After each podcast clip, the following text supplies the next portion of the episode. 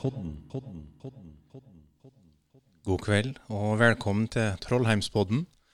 Akkurat nå så sitter jeg i lag med en Karstein Messeth eh, på T-kompen i Rindalen. God dag. God dag, god dag. Ja, hvordan går det med deg? Ja, opp og gå litt hver dag, som sier jeg. Tok ikke, tok ikke etter sist gang? Nei da, det går fint. Jeg ble kjørt utlada etter, etter sist gang, så jeg merker at det er en konsentrasjonsprøve, og at det her blir kjølespent. Um, som du kanskje kommer av, så var det jo tjo og hei da vi åpna sendinga sist. Og nå skal, er det bevisst at vi skal, vi skal litt ned i, eh, i stemmeleie. Vi skal ut i det psykologiske, vidunderlige, mystiske verdenen. Jøss, Yes. spennende. Ja, Vi kan flire av det, men eh, vi skal jo faktisk preke om intet mindre enn mental helse i dagens podkast. Mm, viktig tema. Et viktig tema. Det er mm, et relevant tema. Dessverre så tror jeg mange som kjenner seg igjen i, i problematikken. Jeg håper jo at folk hører og kanskje til og med finner litt hjelp i det vi preker om i dag. Mm. Men det tar vi litt etterpå, for først så skal jo vi preke om hva som har skjedd siden sist. Ja. Så jeg spør det, Karsten. hva har skjedd siden sist vi spiller inn podkast? Eh, nei, det er noe, et kjølig kjedelig liv jeg lever, da, det da vil jeg si. Men eh, jeg har vært på turné med bandet mitt, Perikom. Uh, hvordan gikk det? Eh, blanda, vil jeg si. Eh, Musikalsk eh, kjøler det bra. Kjøler godt. Vi var på tre konserter. Orskanger og Rindalen og Sunndalen. Sånn utgangspunktet, altså. så eh, håpa jeg nå at det kom litt folk, da. Men det gjorde den ikke, da. Eh, f- det er sikkert først å håpe sist gang jeg spilla i storstua på Sunnhordland kulturhus for fire stykker. Fire, ja. Ja, fire er jo fire. Eh, De fikk jo en opplevelse, da. Eh, Men jeg tror det blir en stund før neste gang jeg dreier til på konsert. Jeg trodde kanskje Perikom var litt populært, men det, var vel ikke, det er vel ikke det? Det var ikke slik. Det var ikke slik. Enn du, da?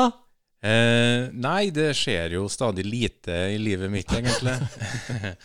Eh, Så kommer jo litt innpå det etterpå. Teaser. Ja. Eh, men nei, jeg jobber nå i Trollheimsporten, da, så jeg prøver han å skrive litt og styre litt og holde på litt der. da. Så har vi noen her eh, babyen, så til kjøler mye tid så døgnet ellers. ja, det forstår jeg. Um, får hun ikke til vogn, eller spesielt lenge til en bilstol, så vi mye hjemmekring. Ja, Så ja, ja. Koser meg mye med katter, det er kjempetrivelig. Ja men eh, det er ikke noe å skrive hjem om med en podkast. Nei da, men det er forbigående der, da. Det. Det er det. Også, men det jeg vil si, er at uh, den 2. september så skjedde det noe stort i livet mitt. Ja vel. Um, og fordi jeg er en stor Ringenes herre-nerd. Ja. Amazon de har jo starta og fullført produksjonen til sesong 1 med uh, Rings of Power. Å, jøss. Så det har jeg sett litt av. Egentlig ikke kjempeimponert, men det var kjøle godt lell. Det var nostalgien, den var kjøle sterk. Ja, det, det er deler dessverre ikke den interessen, men Synd for det. ja. Um, ellers så kan nok bare adressere elefanten i rommet, eller elefanten som mangler i rommet. Og jeg beklager allerede at jeg har omtala Berit som elefant, for det er jo ikke. Men det, til den oppmerksomme lytter så er det bare jeg og du som preker ennå. Og det er Ja. jo fordi at det er bare jeg og du som er her. Ja. Um, Berit er ikke lenger med oss. I dag. I dag, i dag ja. Vel å merke. Nei, hun kommer sterkere tilbake. Passet så- dårlig i dag, men hun kommer sterkere tilbake, så å si. Ja. Og så vil jeg til slutt her nå innledningsvis, eh, som en selvmotsigelse, Beklager beklage åt det, for at jeg nok en gang har bomma med antall gjester. Jo, jo. Vi har jo x eh, fire, eh, fire mikrofoner her i, eh, her i rommet, og jeg har invitert dem litt for mange nok en gang. Ja, ja. Men vi får det til. Vi får det til, sjø. Eh, Men det betyr jo nødvendigvis at eh, du kanskje må være litt lik tause Birgitte i Ja, dag òg. det- Neste gang så skal du får styre showet, kanskje. Men jeg kan jo bare Tviler, tviler på de. Vi får se. Ja, vi får se. Eh, men siden temaet er mental helse, så kan jeg nå bare spære det før vi tar inn gjestene. Hvordan eh, er din mentale helse, Karstein? Eh, den er nå litt opp og ned, kanskje litt så folk flest, da, kanskje. Sjøl om kanskje det er litt rann vær. hvis det går an å si det. Jeg har slettet litt med den mentale helse tidligere. Ikke så sjøl lenge siden heller, men eh, nå er jeg Fornøyd? Ja, egentlig fornøyd med tingenes tilstand per nå. Jeg har sett for meg et slik, eh, jeg vet ikke hva det heter engang, en X- og Y-kurve, eh, og så har du ei lin som går, og det er akseptabelt trivselsnivå. Ja, Og grunnen til at den enkle hele temaet her komistene, var jo at det har vært under den streken nå en, en periode i livet. ja. Men du er kanskje over den streken. Jeg er over den streken fordi at jeg er fornøyd med terningkast tre. Da er jeg er borti firen samtidig, da. Slik som Perikom kanskje fikk. Ja, altså Under Perikom-konsertene og spilla, da var jeg kanskje borti firen, da. Og hvis det kommer folk og hert på òg, så kan det hende at det kommer til og med opp i fem. Det kan så, jo bli for mye, ja. kan bli for mye, så det var kanskje bra med litt eh, labert besøk, da. Men det var noe gøy at dem som kom, kom, da. Vi konkluderer med det, og så skal vi hente inn gjestene. Trollheimspodden. Podden, podden, podden. Da, da ønsker vi velkommen til gjestene. Og jeg har tillatt meg sjøl å skrive noen like, korte, småvittige presentasjoner av de som er her nå. Eh, først ut det var hun Line Indergård. Velkommen. Takk for det. Eh, Line er skuespiller, eh, kollega, er skrevet i parentes, for vi har gjort litt forskjellig i lag. Det er noe rågøyt. Jeg har skrevet at du er håndballspiller og helsefagarbeider. Stemmer det? Det stemmer. Så relevant og bra. Eh, Neste mann er Petter Forberg. Velkommen hit. Jeg har henta fra Facebook at du er konsulent i Surnadal kommune. Hotellresepsjonist? spørsmålstegn, Og min bestevenn fra familiebarnehagen til Åse Moen i skoleveien i 1993. Godt nok. 33 eh, Og så har vi fagfolk med oss. Eh, Linda Margaret Øye, du er aktivitetskontakt i Surnadal kommune. Stemmer det? Det stemmer. Velkommen. Takk, takk. Eh, Du er òg dykker, friluftsmenneske og min nærmeste nabo. Stemmer ikke det òg? Det stemmer, vet du. Alt. Nei, nå går det bedre. Og til slutt, eh, Anita Faksnes Melkild. Du er psykiatrisk sykepleier i Surnadal kommune. Velkommen hit. Takk skal du ha. Eh, Du er òg fjellgjet. Du er min samtalepartner, og kanskje til og med grunnen til at vi sitter i kveld. Jeg bæret. Ja, eh, Anita og Linda de representerer jo på mange måter fagmiljøet. Ikke bare på mange måter, de representerer fagmiljøet. Så kanskje de kan si litt om hva er det de tilbyr i, i eh, psykiatrien, hvis jeg kan kalle det psykiatrien. Kanskje mest glad i eh, terminologien psykisk helse. Psykiatrien føler jeg er litt sånn eh, spesialisthelsetjeneste. Alvorlige ting. Fikk vi oppklart det? Det er jo et litt tungt tema kanskje vi skal preke om i dag, og det er jo ikke, det er jo ikke gladsaker noen av oss skal, skal fortelle etterpå. Og derfor så vil jeg gjerne at vi har en sånn sjølironiskala, der eh, fra én til ti, der ti er kjempemye, og én er bitte, bitte lite eh, sjølironi rundt egen historie. Da. Eh, Personlig så har jeg ti på den skalaen. Jeg kan flire av meg sjøl, sjøl om det, det er tungt. Line, hva, hva stiller du deg på den skalaen der? Nei, eh, ja, jeg flirer av meg sjøl den gangen, jeg òg, skal ikke si. Så det som har vært. Én til ti? Tja, åtte, kanskje. Godt nok. Petter? Jeg vil si at det er ti, jeg, da. Ti på sjølironi. Det blir noe gutt, det.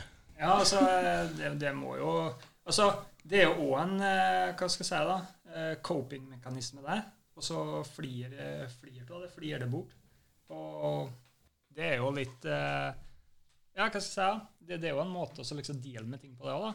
Det å også flere vekk, altså det er et forsvar, da. Hva sier fagmiljøet til det å bruke humor, da? Ja, når en blir så gammel som meg, så er det klart at en har gjort mye dumt i sitt liv. Eh, Og jeg tenker at det blir ei god historie, bare tida går. Jeg vil si ti. Eh, og Linda og jeg vi er jo sånne hyener i bilen innimellom når vi flirer til oss sjøl. Ja, det å lage historier, det gjør jeg mest av hver dag. Det er jo mest hverdager, så hvis du kan gripe ting og flire av dem, så blir det lettere. Enig. Shitty days make golden stories. Yes. Visdomsord fra Forberg. Skal vi gjøre en litt slik øvelse som kan være litt tung? Kan vi definere mental helse? Hva, hva er det egentlig vi skal preke om? Anita, har du noe, klarer du å definere det kort og konsist til oss? Mental helse har vi jo alle sammen. Mm. Av og til så blir den mentale helsa ei uhelse. Og får en ikke preka om det, støtte, trøst, så kan det gå over i alvorlig psykisk sykdom. Det vil vi jo prøve å unngå. Det er jo litt derfor vi er samla her i kveld. At vi vil jo prøve å skape en podkast som folk kan høre på, og forhåpentligvis finne ut at det er bedre å ta tak i problemer tidlig enn sent. Eh, Da skal jeg stille spørsmålet først og fremst. Kanskje er det retorisk, kanskje ikke. Jeg stiller nok en gang til fagmiljøet. Har det blitt for lett å ha det tøft? Tja Det var et kjempegodt spørsmål, Si. Det har jo vært preka om at en kanskje burde ha innført livsmestring som fag allerede fra ja, kanskje barnehage og skole. For livet er jo humpete. Altså, vi tryner, og det er tøft, og vi opplever tap. Og det blir ikke alltid slik som vi vil.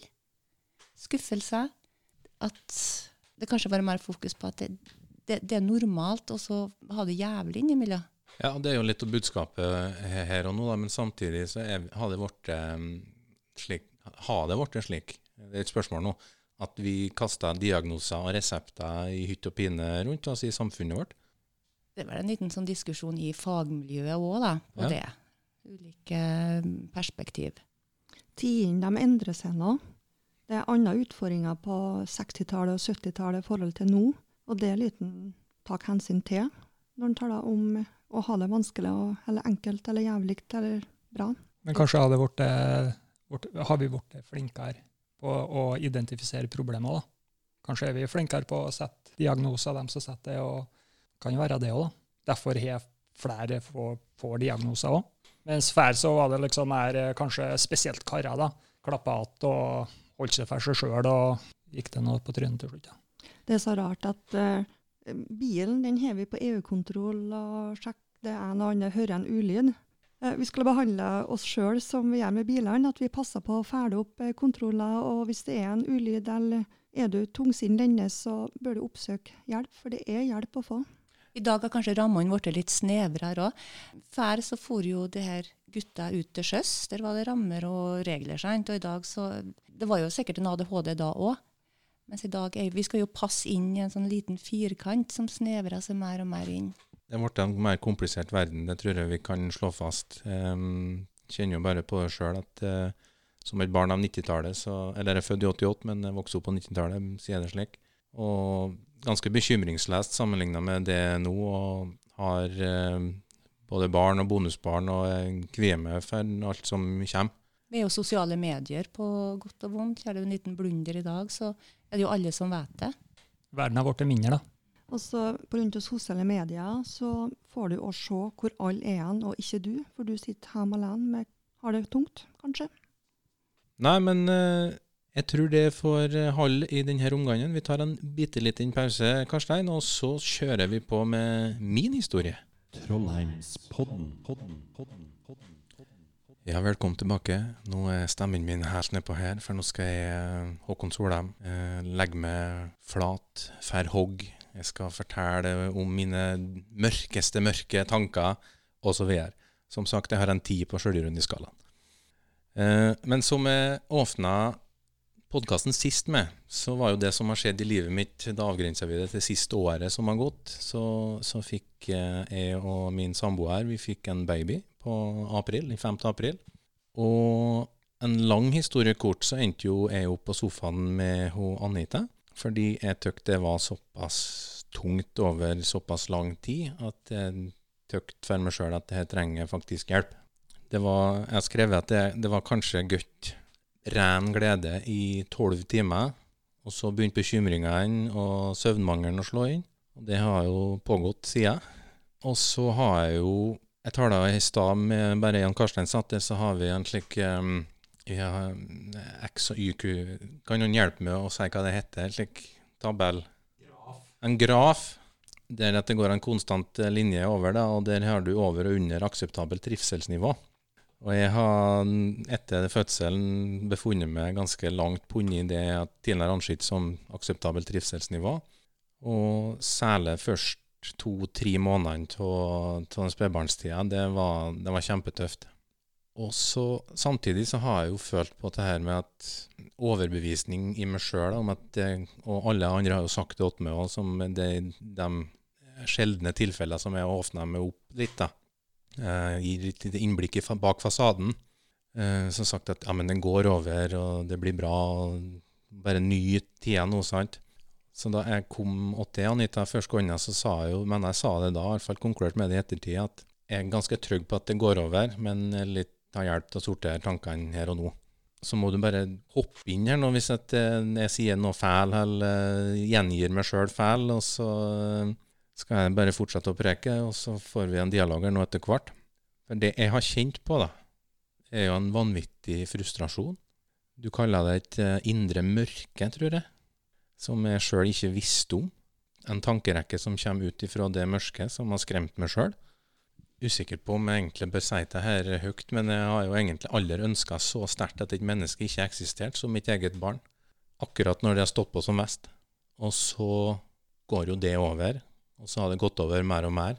Og um, sjøl om det fortsatt er lite søvn, og det er fortsatt drygt, nå er hun fem og en halv måned, så vil jeg kanskje si at eh, om ikke legger på den streken nå da, for akseptabelt trivselsnivå, vi begynner å få rutiner, vi begynner å få heva over vann, da. Eh, men underveis har det vært et par tøffe tak. og Jeg er jo Real Madrid-supporter, og det var Champions League-finale her. eh, Det var på slutten av mai, tror jeg. Det gikk jo kjølig godt for eh, dem med hvitt hjerte.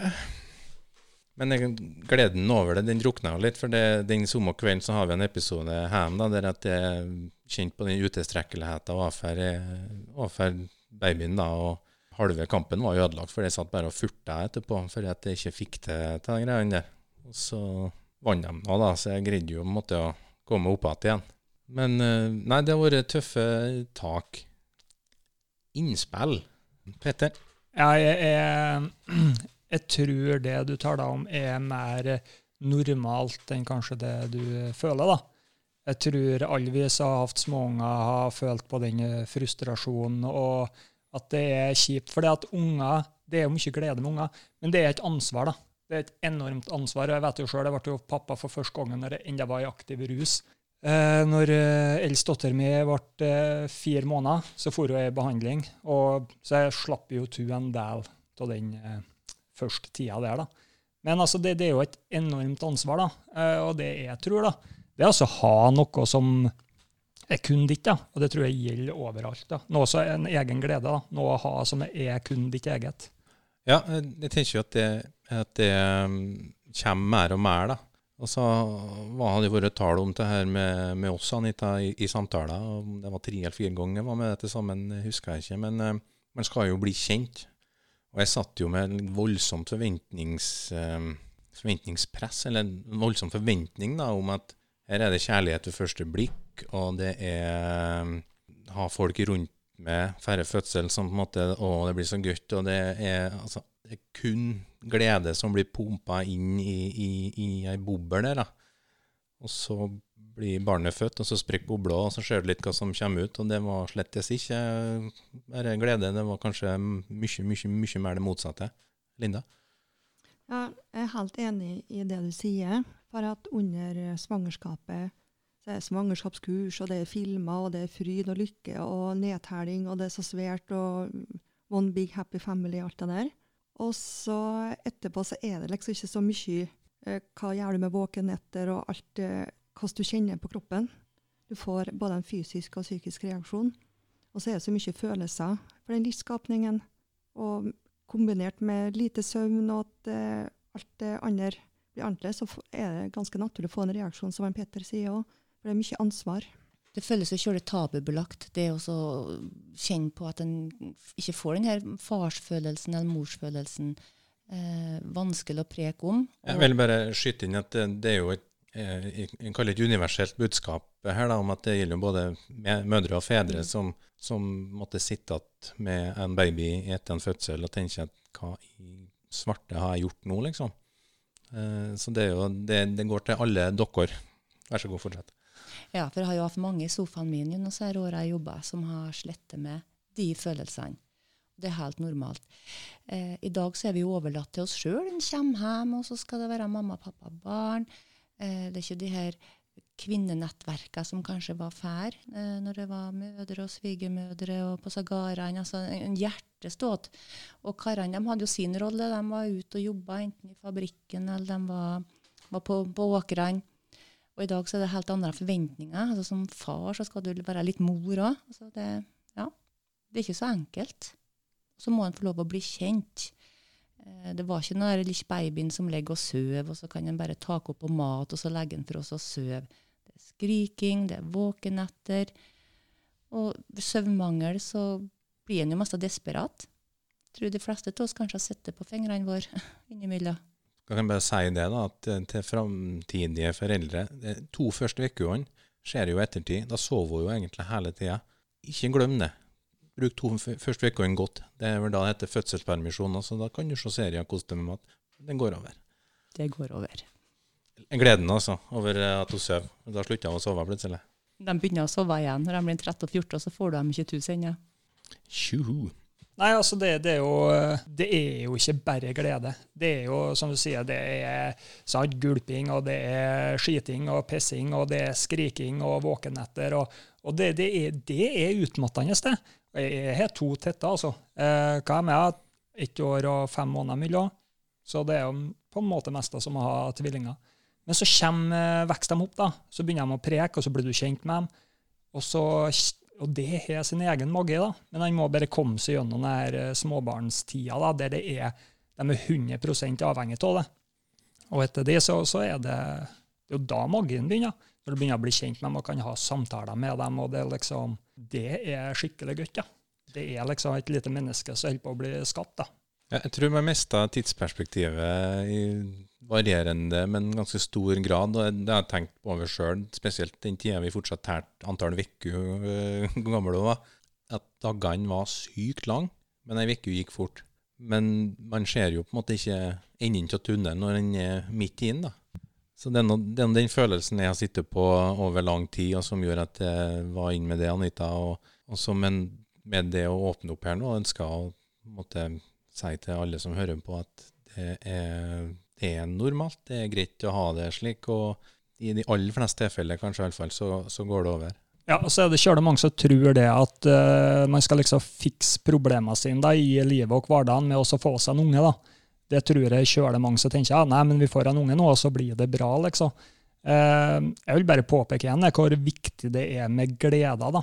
Altså, ja, altså Nå så kan jeg si det at eh, for min egen rusfrihet da, så er det mye godt familien min og ungene som holder med der. Men i starten så var det jo ikke det. I starten så var det mye godt så her personlige gledene. da. Altså hobbyer, klatring, slikere ting. Ting som er kun mitt. Ting som gjør at jeg, det kribler i min mage, og gjør at jeg orker å stå opp om morgenen. Det er de tingene alle sammen må ha. Det hjelper. spiller ikke rolle om du er rusmisbruker eller småbarnsforelder. altså Alle trenger dem. Uansett hvem du er. Om du har det bra eller dårlig. liksom. Ja, Vi kommer jo tilbake til, til rusen din, Petter, hvis jeg kan si det slik. Det som òg skjer når at en er i vanskelige situasjoner, at en føler at en mister seg sjøl. Og så stopper han opp litt. Kan jeg? Hva, hva gjør meg glad? Hva gjør meg lykkelig? Og når du kjenner på den følelsen, da er det viktig å stoppe opp. Da må man gjøre noe så det ikke setter seg. Og så er det jo ikke feil å be familie om hjelp. Kan du trille en tur, så jeg bare får holde at evnen litt, eller ta med en dusj i fred. Jeg har tre unger. Når en har unger, så er det bekymrer livet ut. Samme hvor gammel de blir. For en er jo så glad til dem. Jeg tenkte på det du sa her, Petter, eh, om at det er mange som får unger av, ja, ymse motivasjoner, og ymse grunner. Og hun, jeg bor i lag med henne, sa så fint at det, du må vite det nå. At det å få en under nå, det er å hive, sette atombombe inn i forholdet. Og det er egentlig et kjempestort paradoks, fordi at man tenker jo at et barn skal ha vokse opp med en uh, mor og en far, eller en mor og mor, far og far, altså et foreldrepar da, som holder sammen hele livet og blir besteforeldre til de ungene der igjen, og at det, man ikke går fra hverandre. da. Et forhold skal være på en kjøle bra plass, tenker jeg, færre, færre når man da bør få barn, hvis at det er det som er målet. Det er jo et kjempeparadoks, har jeg tenkt eh, mye på i ettertid, at man ødelegger det med å få barn. Så er det jo strengt tatt derfor vi er her på jorda, da. Formere oss. Meningen med livet. Petter? Nå er det jo ikke slik heldigvis lenger at en skal holde i hop for en eh, for alt. Altså, han, en, trenger ikke å være i lag med den samme personen man har unger med. og det er, liksom, det er heldigvis ikke sånn lenger. da. Altså, Nå går det an til og nå har vi unger med naboen og med kjerringa nedi veien, og det er liksom alle har unger med alle. Og, og, det er nå egentlig helt perfekt. det. For uh, jeg tenker sånn som mitt liv, da. Så både jeg og samboeren min har jo unger. Og, men, men har, sånn som vi er, vi har jo 50% Da har vi, er vi 50% på 100% på familieliv den ene en uke, og så har vi uh, andre uke med bare, ja, bare oss. da. Og det er jo egentlig perfekt. Jeg er helt enig med at det er jo altså det er kjempebra at vi lever i et samfunn der det er så stor aksept for uh, de forskjellige familiesituasjonene. Men tenker jo ikke samtidig at eh, når du får et barn, så er jo målet er jo å få det med en partner du skal ha livet ut.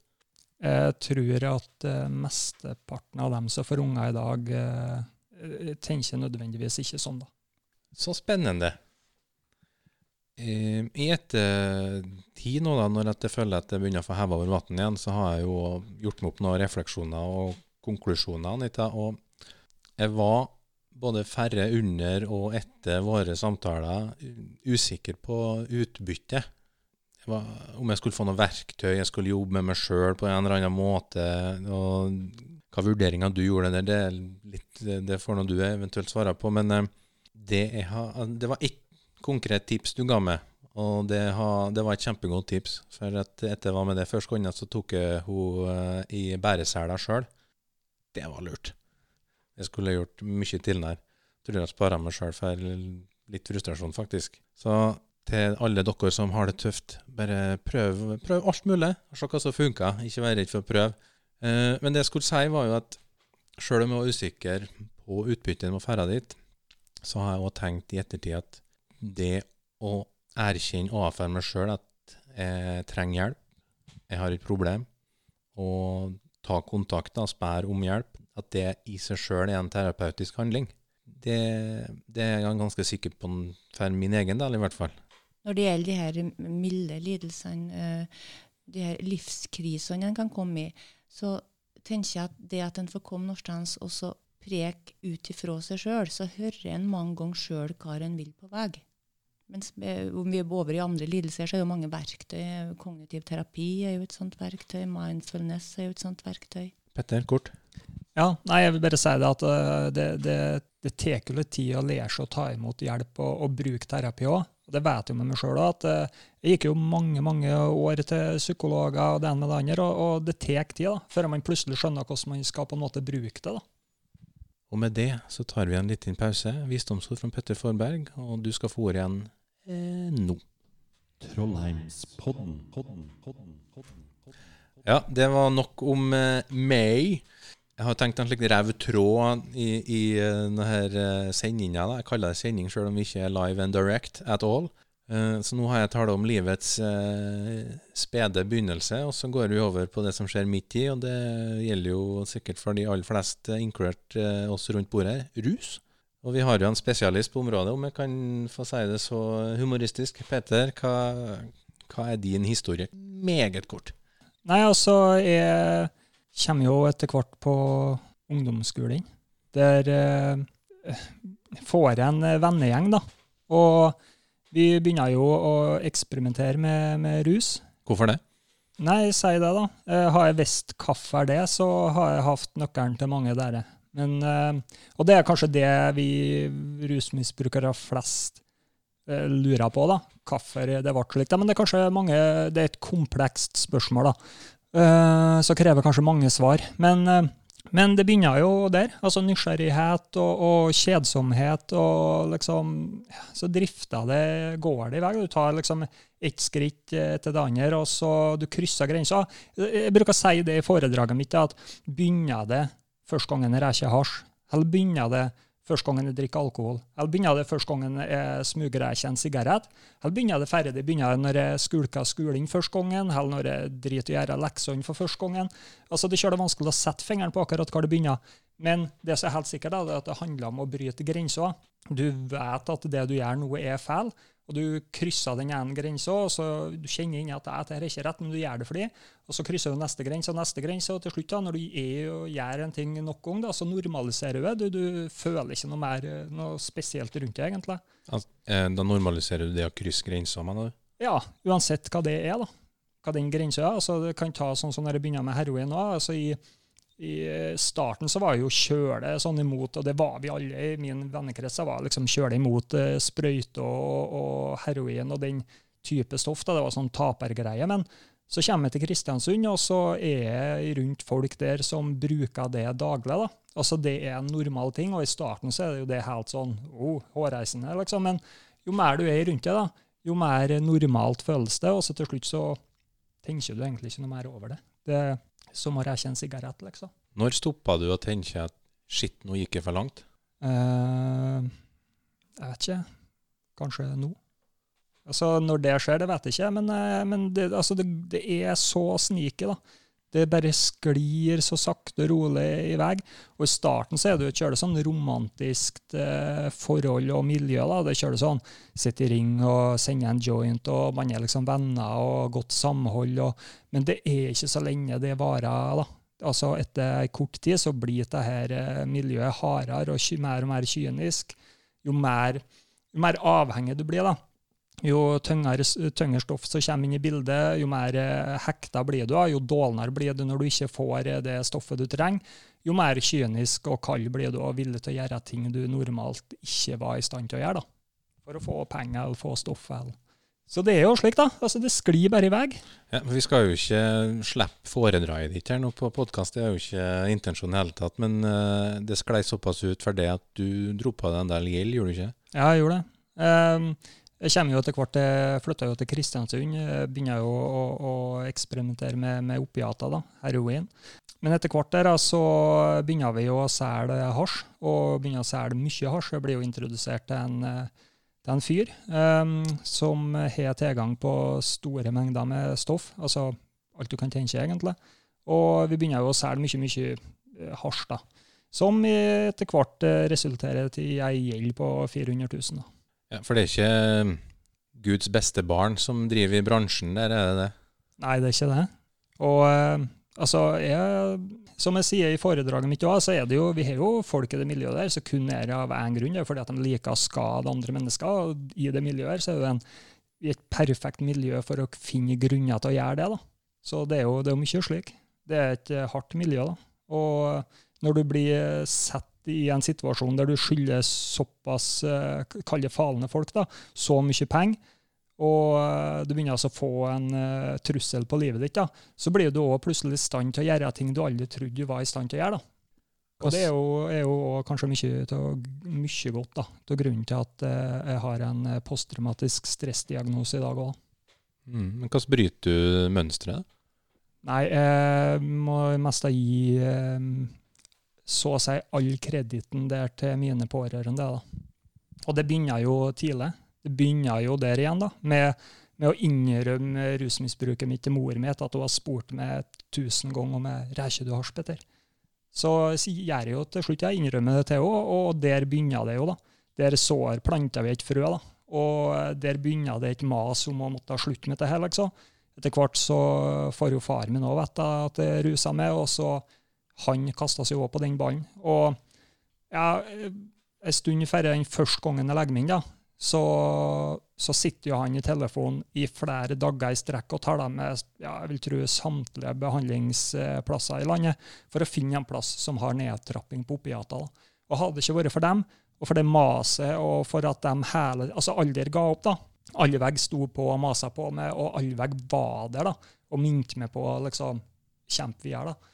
Så har ikke jeg vært her i dag. da. Sjøl om, når jeg la meg inn til veksthuset, så skulle jo ikke jeg bli rusfri. Jeg skulle jo bevise for mine pårørende at det ikke var poeng i behandling.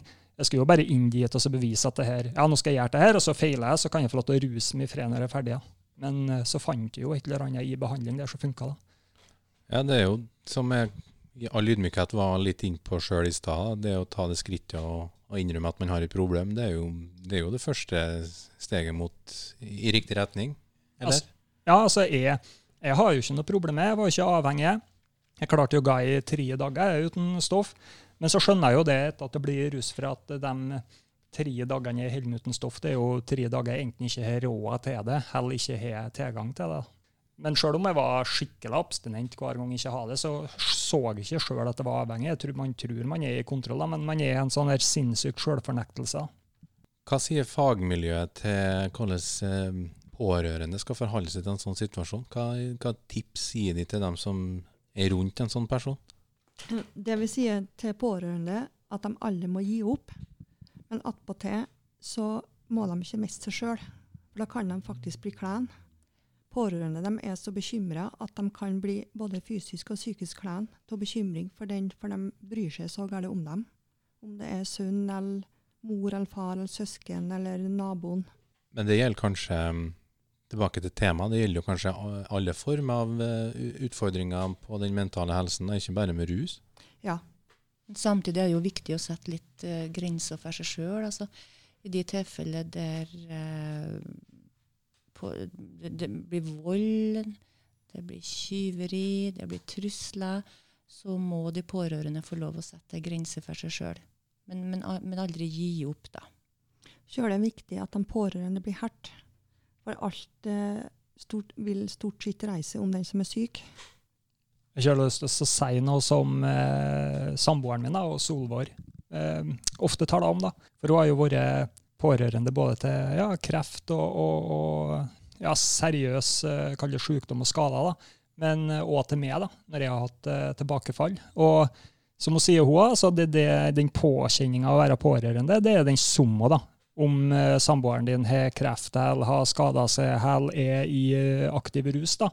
Men hvordan eh, samfunnet da, oppfatter det som pårørende, er to vidt forskjellige ting. da. For hvis du er i lag med en, da, eller ei som har kreft, og du fer fra den, så, så er du en dritsekk da, som stakk fra noen i den situasjonen. Men har du en samboer som ruser seg, da, så er du på en måte en dritsekk som er så dum at du finner det i det. Og det er liksom forskjellen da, som i hvert fall hun da, påpeker. Jeg, jeg ja, Det skulle ikke ha vært sånn. da. Jeg er helt enig med det du sier, Petter. For jeg har jo òg en del pårørende og hatt eh, pårørendekurs for dem som sliter, hel- har berørt noen som sliter med sin psykiske helse eller rusmiddel, eller begge deler.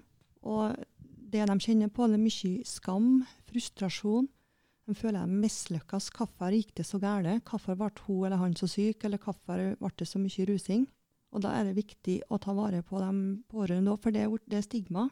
Du møter folk nede på amfisenteret, og de føler at alle vet. Og så spør de hvordan går det Ja, det går nå bra. Men så skjønner jeg at de egentlig lurer på hvordan Jeg sier hvordan det går med en Petter nå, da. Når du holder på. Og, men det er ingen som spør hvordan har du det. Og det, det er lov å spørre om det. Fordi at de, de, de pårørende har det ikke bra. Nei, de har ikke det. Og jeg vil gjerne nevne medavhengighet òg, da. Jeg syns det er en viktig del av det. Også, det å eh, ta eksempel mor mi, da. Altså, jeg har fått herta så mange ganger at ja, men driver ikke hun og dealer stoff, da? Nei, hun gjorde ikke det. Jo, alle gjorde det. Uh, og, men sånn som hun er medavhengig, da. Hun, og det forklarte hun til meg. altså Hun visste jo ikke sjøl at hun var det. Og, men igjen, da, hun, hun det var mye tryggere, hun, å og kjøre med, så jeg fikk henta stoff, enn å bare sende meg med bussen årsdagens, og så blir jeg borte i 14 dager, så vet du ikke hvor jeg er. Det går igjen da for mine øh, venner jeg har. da. Jeg har hørt pårørende til mine venner igjen og har sagt at jeg er så glad når han er i fengsel, fordi at da vet jeg hvor han er. Hell, jeg er også letta når han dør, fordi at nå vet jeg hvor han er. liksom. Jeg vet at han ikke er ute og ikke vet hva som skjer. da. Og, og det med å ha pårørendegruppe, og det med å ivareta barneperspektivet, at en får informasjon om hvordan det kan være, at en får treffe folk som står i samme situasjon, om det gjelder pårørende til rus, eller kreft, eller MS, eller demens, så tror jeg det er kjølig viktig, og en, en god investering i, folk, i folks mentale helse. Ja, for det som er, er at eh, hvis du er pårørende til noen som sliter med psykisk helse eller rus, så føler de ikke sjøl at de er pårørende. Det er lettere kanskje å si ordet berørt da, eller at du står nær noen, men de føler seg ikke som pårørende. Det har ikke vært så mye fokus på dem heller, men det er viktig. Og, og jeg er stor støttespiller til dem som sliter, så vi må ta vare på dem òg. Petter, jeg vil eh, spørre deg om eh, sammenligna denne rusen din med en slags negativ spiral. Da. Du, du sier selv du krysser grense etter grense etter grense, eh, til det blir så tungt at det er heroin og det er kokamat på godt surndalsk. Men tror du at den spiralen kunne vært bråttet tidligere hvis at du har oppsøkt hjelp, eller noen har gjort noe annerledes? Hva tenker du? Det er vanskelig å si akkurat det, da. Men eh, klart det at det er jo helt sikkert noe som kunne ha fanga opp meg òg. Eh, jeg vil si det at eh, det er mange faktorer her. da. Ofte så er jo en person kanskje som skjer når jeg er i behandling òg, at eh, folk kommer inn, men stikker fort igjen. Jeg har gjort det sjøl òg, flere ganger i behandling.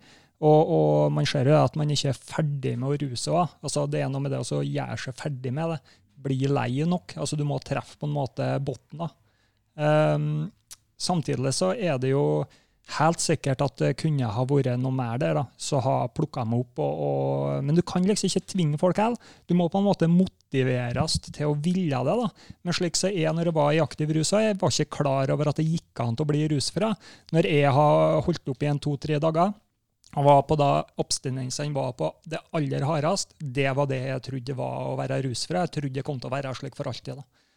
Helt til det for første gangen var liksom rusfri over en lengre periode, og, og, det, og abstinensene å ga over, og liksom det ga seg, da. Så skjønte jeg at søren, det, det, blir, det blir normalt igjen. Og det var jeg ikke klar over at det gikk an. da. Ikke i det hele tatt heller. Og det har gått i mange år med bare i dette mørket. Så minnene jeg har i bakhodet mitt, de er sånn, som en dårlig svart-hvit-film. da. Men eh, jeg var ikke klar over at det gikk an til å bli, bli seg sjøl igjen. da. Men i dag da, føler jeg meg akkurat like som jeg gjorde dagen før jeg begynte å ruse meg. Så helt vanlig igjen, liksom. Ja, for jeg vil uh, stille spørsmål til deg, Anita. Um, det med å ta tak i ting færre det går for langt. Vi har jo flere beskrevet det som at du mista deg sjøl. Så er jo spørsmålet hvor mye av deg sjøl kan du, og skal du, og bør du miste før du skal få den hjelpa, da? Jeg tenker at En bør jo ikke miste så gære. Nå har jo vår arbeidsgiver Linda Surnadal kommune har jo valgt å satse på et lavterskeltilbud, som betyr at en kan ta kontakt sjøl. En trenger ikke søke om å få hjelpa og vente på at det skal saksbehandles, og så skal det tildeles en tjeneste. En kan ta kontakt sjøl, og det er det kjølig mange som gjør. Enten via mail eller SMS eller telefon legene henviser. Linda og jeg vet kjører godt samarbeid, sånn at terskelen mellom oss den er, altså Ønsker folk hjelp fra Linda, så er det bare å ringe. Så ringer hun, og har mulighet, så kommer hun på kontoret med en gang. Eh, og, og vice versa. Rus, det, alkohol er jo òg rus, og det, det, skjer jo ofte at i, i, tunge perioder, om det er angst, om det er depresjon, om det er konflikter, så blir alkohol brukt som en sjølmedisinering, og det blir jo en feilmedisinering og skjer mye blant eldre, spesielt eldre damer. Så da jeg var unge og ung, så var det jo helt utenkelig at damene gikk på polet. Vi hadde ikke pol heller, å dra til Trondheim og gå på polet. Det skjedde ikke. Damer drakk den gangen òg, bare så det er sagt. Mens i dag så er det lettere å, å gå inn og kjøpe den vindunken. Så det er en genial ting. Vindunk, en treliter. Men du ser ikke hvor mye det minker når du sitter er når du tar ut eh, plastposen til slutt, ja, og så klemmer ut? Da oi, oi da. Ja, det har skjedd. Og så er det liksom at uh, alkohol det er jo lovlig, legalt. Du ser uh, reklame i alle settinger, så ser du, selv om du ikke står Heineken-reklame eller uh, rødvinsreklame, så ser du det at settinga at det er alkohol i bildet. Men det er ikke alle som tåler det, og det er fort det blir for mye.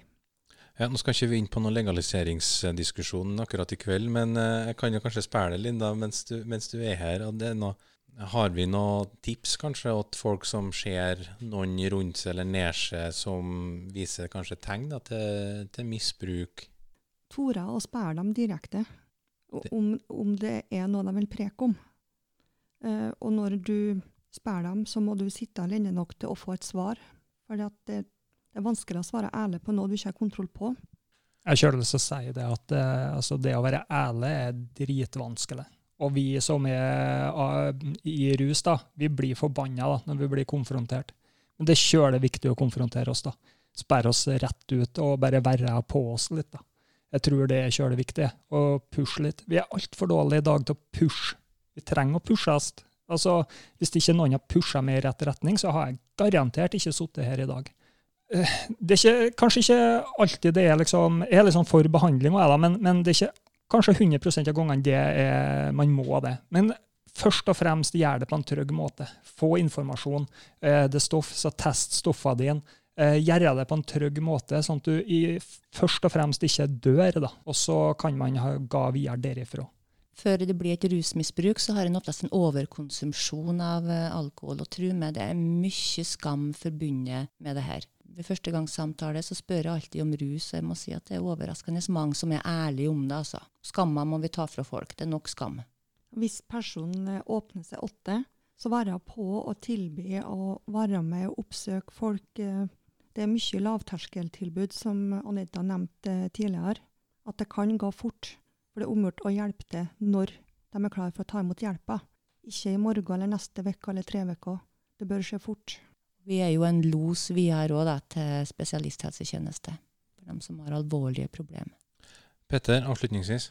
Ja, eh, motivasjon kan jo snu fort. Det kan jo snu flere ganger i løpet av en dag. Og Det er jo kjempeviktig ja, hvis du er pårørende til noen som sliter med rus, og så være på når de er motivert. Og bare pushe gjennom og få eh, vedkommende dit da. han trenger å være. Vil dette det være siste ord i akkurat denne omgangen her, og så tar vi en liten kaffepause og en ny omgang snart. Trollheimspodden. Podden, podden, podden, podden. Ja, da har vi vært innom eh, livets start, og vi har vært innom eh, rus, som vi heretter kaller livets mellomfase. Og vi skal over på det tunge temaet om tap og sorg. Og vi skal preke med ei som eh, ikke har hatt mikrofon så mye fram til nå. Line, jeg vil bare før du begynner med din historie, så vil jeg understreke eh, at du må preke med ekstra mye dialekt. Sånn at du representerer Rindalen litt mer enn eh, enn det som har vært i den podkasten så langt. Det skal bli. Son. Nei, for du sto jo fram eh, i selveste Trollheimsporten, eh, var det et års tid siden, Ja, det var vel det. og fortalte at du har hatt det tøft. Ja. Og det kan vel spores tilbake til en ganske konkret hendelse, eller? Ja, det kan vel det. Um, jeg vil nå først si at jeg har nå egentlig hatt et ganske fint liv. Um, lite problematisk, egentlig. Uh, så kom vi til 2014. Da eh, fikk eh, mamma kreftdiagnosen. Vi fikk nå først vite at eh, det skulle gå ganske bra. Hun skulle bli frisk, og hun fikk liksom opplagt Eller hun fikk vite behandlinga og hva som skulle skje, og da skulle hun være frisk. Og så gikk det, en, gikk det vel kanskje en måned, og da fikk vi nå beskjed om at det var liksom ikke noe mer å gjøre, da. Så da satt jeg på et rom på Orskdalen og skulle forholde meg til at mamma skulle dø. Og det er nå ikke bare enkelt. Hva gjør han da? Nei, si det. Hva gjør han da? Nei, um, for det første så tror jeg kanskje at Jeg husker kanskje ikke så sjøl mye akkurat av den samtalen, da. Jeg satt jo uh, i lag med mamma og pappa, og så fikk vi nå vite det at eh, det var ikke så mye mer å gjøre, nei. Eh, fordi jeg, det var noen aggressiv krefttype. Så da var det palliativ behandling, da, som eh, var det som eneste å gjøre, på en måte. Og det gikk nå ikke mange månedene før hun mamma døde. Hun døde 14. desember i 2014, ja. Og så Det var nå ganske nede på jula òg, det, da. Og det var jo ganske tøft. Så har det jo vært litt flere tap etter de òg, da. Som gjorde at eh, det ble kjølig vanskelig å forholde seg til det, på en måte. Jeg fikk liksom ikke bearbeidet det ene tapet før det andre inntraff. Med fare for å bryte isen, da må du passe på å si Guste, ikke kjøle. Beklager. Jeg avbretter, Line. Um, du mista flere, sa du. Bare, jeg skal deg fullføre historien før jeg begynner med mitt. Ja, nei da. Det, jeg mista jo mamma. Eh, og så i åra etterpå så mista jeg jo og- Eller mista, eller folk gikk bort, da. Som, eller folk som jeg var glad i. Både familie og venner. Som gjorde at eh, Ja. Det var jo litt sånn, ble jo egen sorg, og så skulle du jo liksom prøve å kanskje være ei støtte til dem som har mista sine òg, da. Og da ble det rett og slett kjøle mye Eller det ble Jeg har egentlig vært allveg kjøle dårlig på å preke om tanker og følelser, og Syns det er vanskelig å, har vært vanskelig å uttrykke meg sjøl. Så det gjorde jo ikke kanskje saken akkurat så mye bedre. Har du et Skal vi prøve å dundre et, et bunnpunkt eh, der nå, hamre inn det, og så, og så løfter vi oss opp igjen? Ja. Nei da, det gikk jo Jeg var jo, jeg var jo inne med både psykolog, og jeg har jo vært med Anita òg.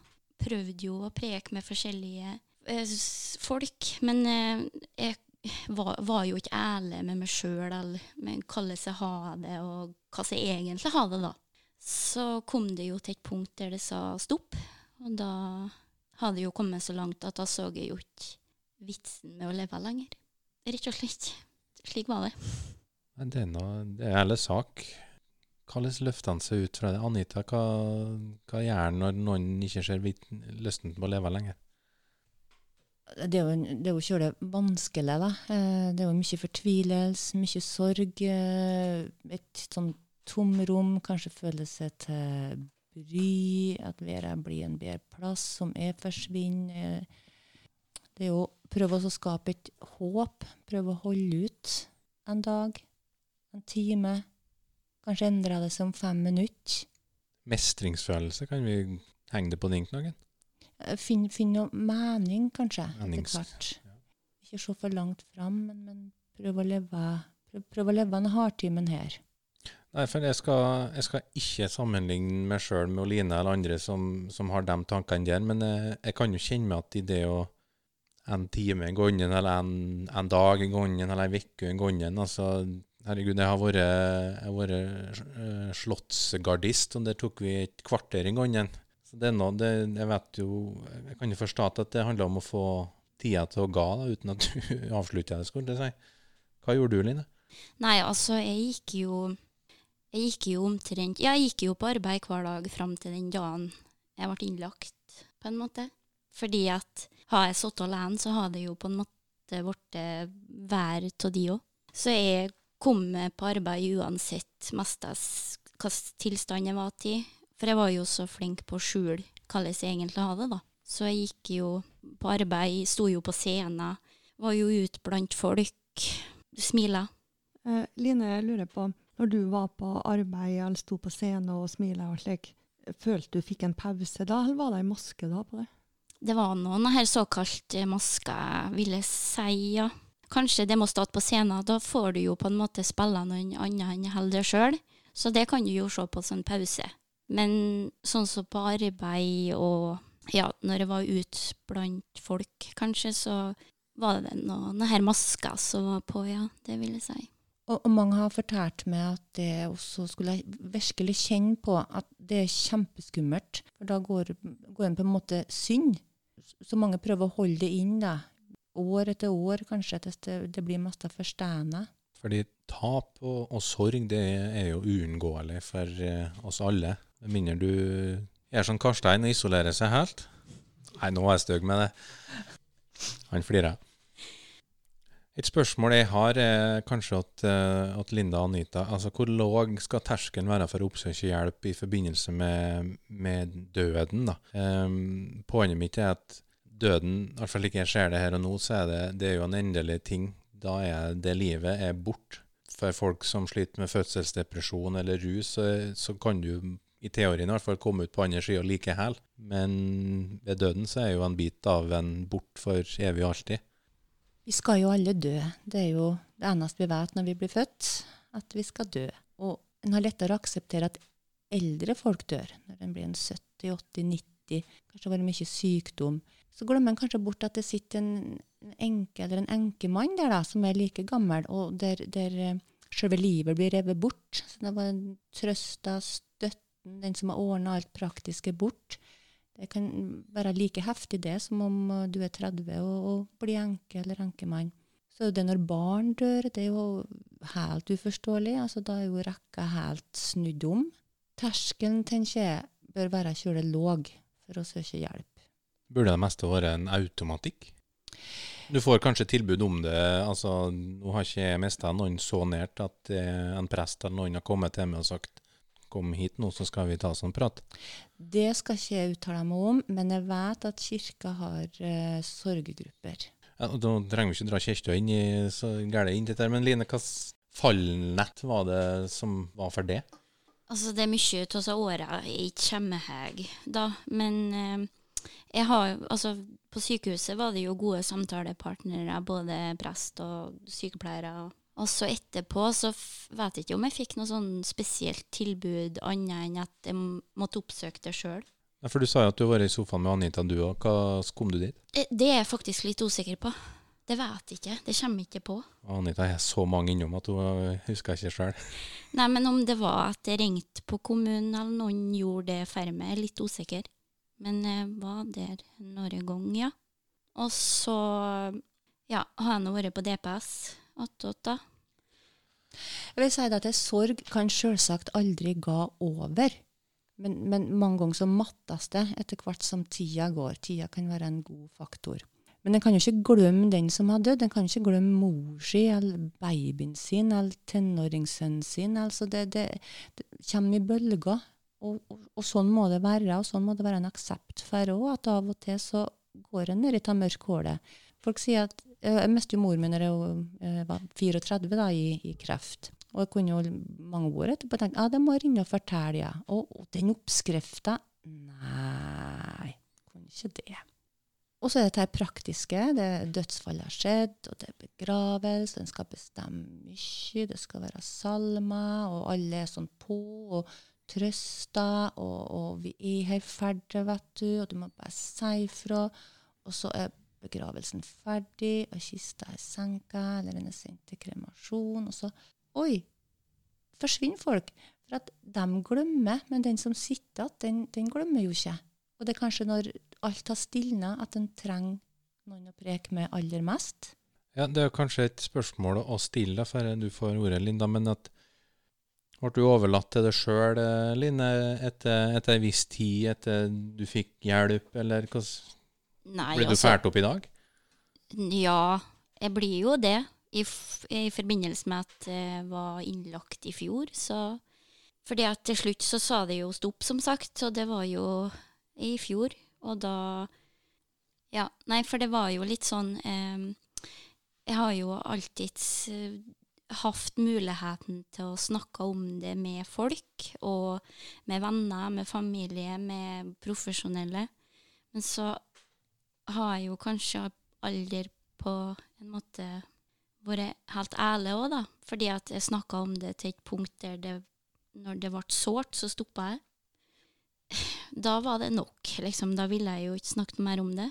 Eh, men til slutt så Jeg bærte jo på det her i så mange år, og det bygde seg jo opp med mye forskjellige tanker, følelser og alt vondt. Det ble jo så ille til slutt at jeg satt jo og planla begravelsen min på notater på telefonen, liksom. Det ser jo kanskje litt på som humor i dag, da. Kan så gjesteliste og slik? ja. Ja, for det var jo korona, og jeg måtte jo sitte og velge ut hvem som skulle få komme, og ja, kjøle og si det, men det er jo sant. Og så fikk jeg jo kjøle god behandling, og ble fælt opp, begynte med ECT, og ble gode igjen. Og det var vel først når jeg kom på akuttmottaket, at det var en lege som sa til meg at eh, fortida, den lytter vi bare vente litt med nå. Først må vi få det opp til denne eh, depresjonen som du er i. Som kan Altså, det er jo på en måte alt du har opplevd som kan til at du sitter med denne dyp depresjonen. Og Linda. fordi du ikke har fått snakka om det, på en måte. Linda, du har et innspill. Ja, jeg tenker på sorg. Sorg det kommer i så mange faser. Det er sjokk, det er sinne, det er frustrasjon, savn. Du tenker på minnet med glede. Du fornekter det. Og eh, som du, Anita, sa, at frem til begravelsen så er det mange de er på og støtter det og rinner og slik. Og dem i rundt, slik er vi mennesker bare. Når begravelsen er ferdig, så blir det på en måte glemt, går videre. Men den som står midt oppi det, det, det er først da det kanskje begynner å gå opp. Og den første jula, først påskeferien, først sommer, bursdager. mye merkedager som blir rippa opp. Og hvis den sorgen får da feste til en eh, depresjon, da er det fort at eh, jeg vil, vil jeg tro at det går sånn som det gikk med det, Line.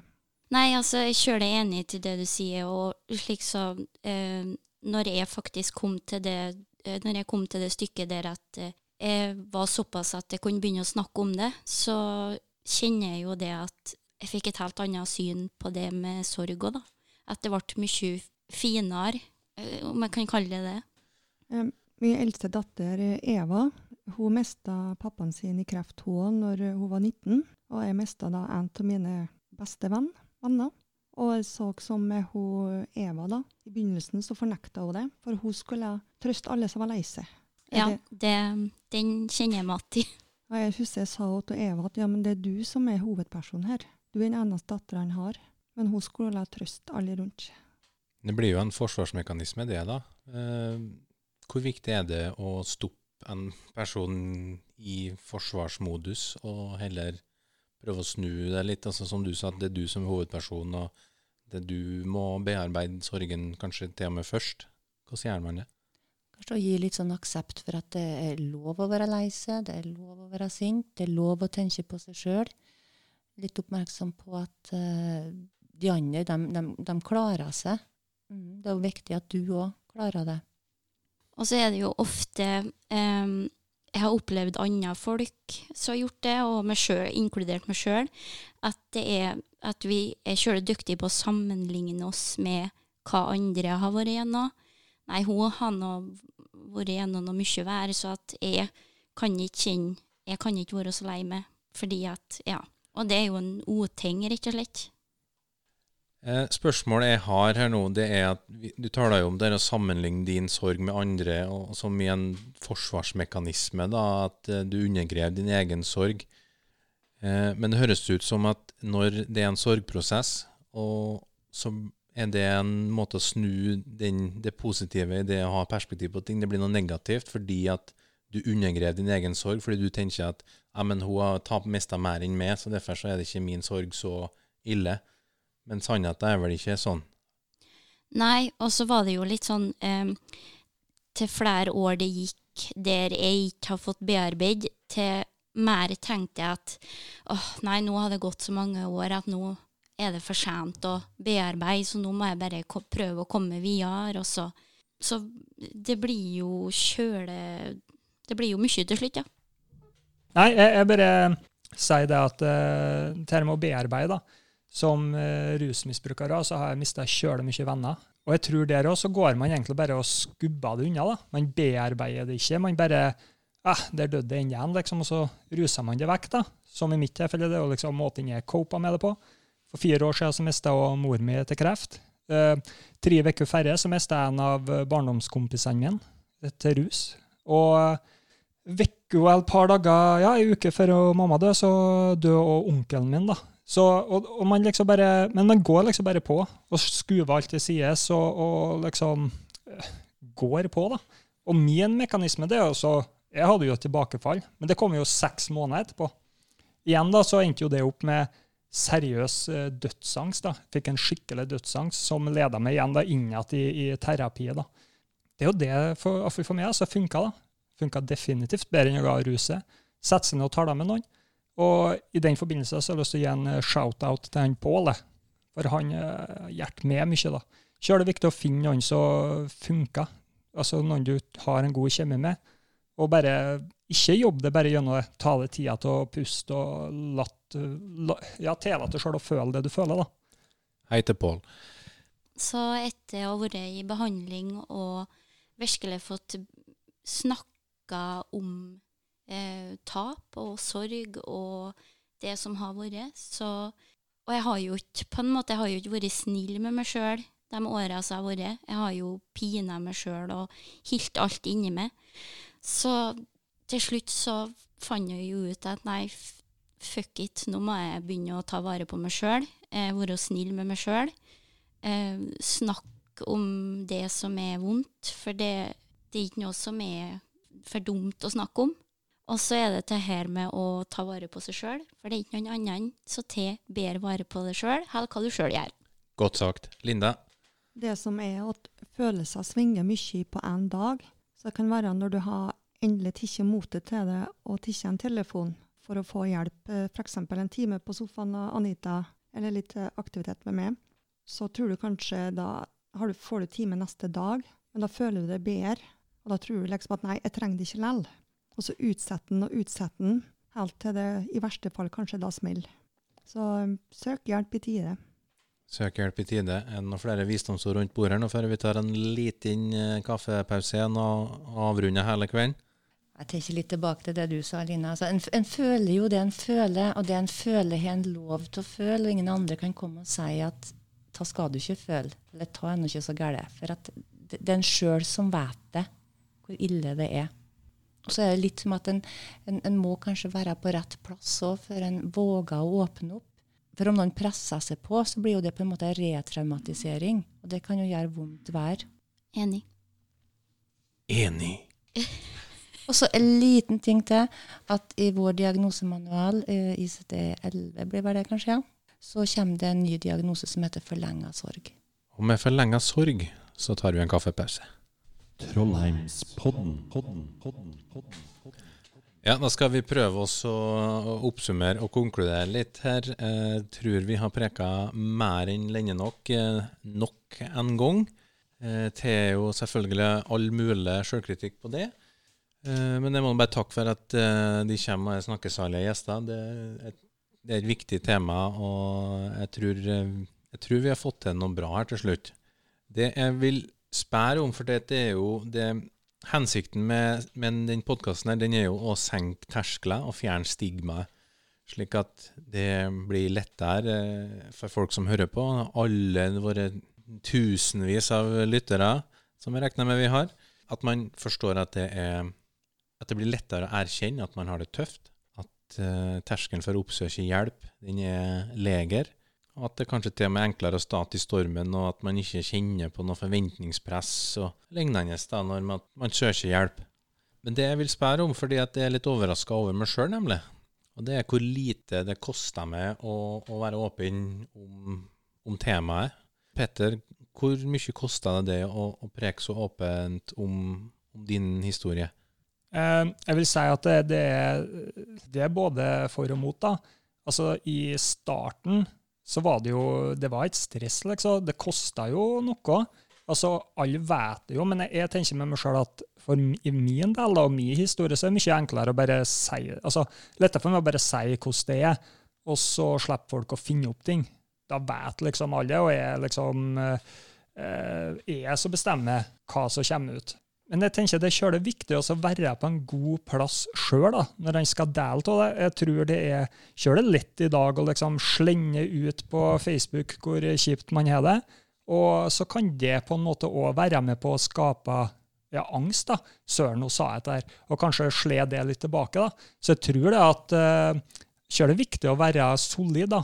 Vite at OK, nå går det godt. og jeg er den jeg er, og klarer å stå for det jeg sier og gjør, og liksom være den man er, da, og så være på en bra plass når man skal begynne å dele slikere ting. da.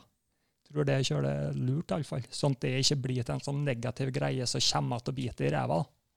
Ja, jeg tenker nå bare om det kort igjen, da, at uh, man kan jo dele om livet sitt på, med forskjellige uh, utgangspunkt, og om ønsker om å oppnå forskjellige ting. Det er jo mange som kan legge ut et bilde på Facebook f.eks. Eh, fra en sykehusseng, og så sier de A og ikke B. Og det du ønsker er oppmerksomhet, og du ønsker et hjerte eh, i, i kommentarfeltet på Facebook. Jeg kan jo selvfølgelig bare preke for meg sjøl, men jeg, jeg, trenger ikke at noen kommer til meg nå i ettertid og sier at det, er så synd på det, og jeg, jeg er ikke ute etter noe medynk. Men jeg, jeg vi tar opp et viktig tema her, og det er at det er greit å ha det tungt, og, og man skal søke hjelp. Eh, Line, hvor vanskelig er det for deg å, å dele?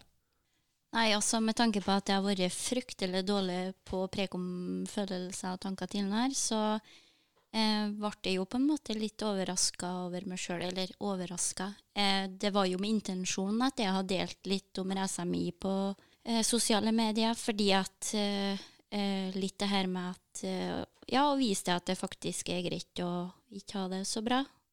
Og det var jo ikke for å få verken oppmerksomhet eller kommentarer eller hjerte eller Jeg gjorde det, det var jo litt for min egen del, å bare vise det at jeg, nei, jeg er faktisk ikke all dag bare den som smiler og har på seg denne maska, liksom. Um, har hatt det ganske tøft, og, men nå så har jeg det bra. For er det noe som er sikkert, så er det at vi alle kommer til å kjenne på vår psykiske uhelse i løpet av et liv. En gang, to gang, tre gang, som mer, som mindre, men alle kommer vi til å kjenne på den. Petter, siste ord. For min del da, så har det jo òg vært kjølig positivt. da. Fordi at Pga. at jeg har vært ærlig om hvem jeg er og min reise, da, så har jeg òg fått kjølig mye sjanser. da. Og det er jeg avhengig av. Jeg er avhengig av at ja, folk i arbeidslivet gir meg en sjanse til å få lov til å bevise meg sjøl. Jeg er avhengig av at ja, jeg får lov. da. Får lov til å være den jeg er, og få lov til å bevise at det er ikke det jeg var. da. Gi meg en ny sjanse og bli kjent med meg, så er jeg kanskje ikke akkurat sånn som du trodde. da. Det har jo en del med stigma å gjøre òg. Men jeg syns det er viktig å gi folk en ny sjanse. da. Gi folk flere sjanser. Helt enig. Uh, og med det så takker jeg for at uh, de kom hit i kveld. Og så er konklusjonen i dagens uh, Trollheimspodden det er som følger. Har du det tungt, og det er lov å ha det tungt, så søk hjelp. Det er ikke farlig, og det er aldri skadelig.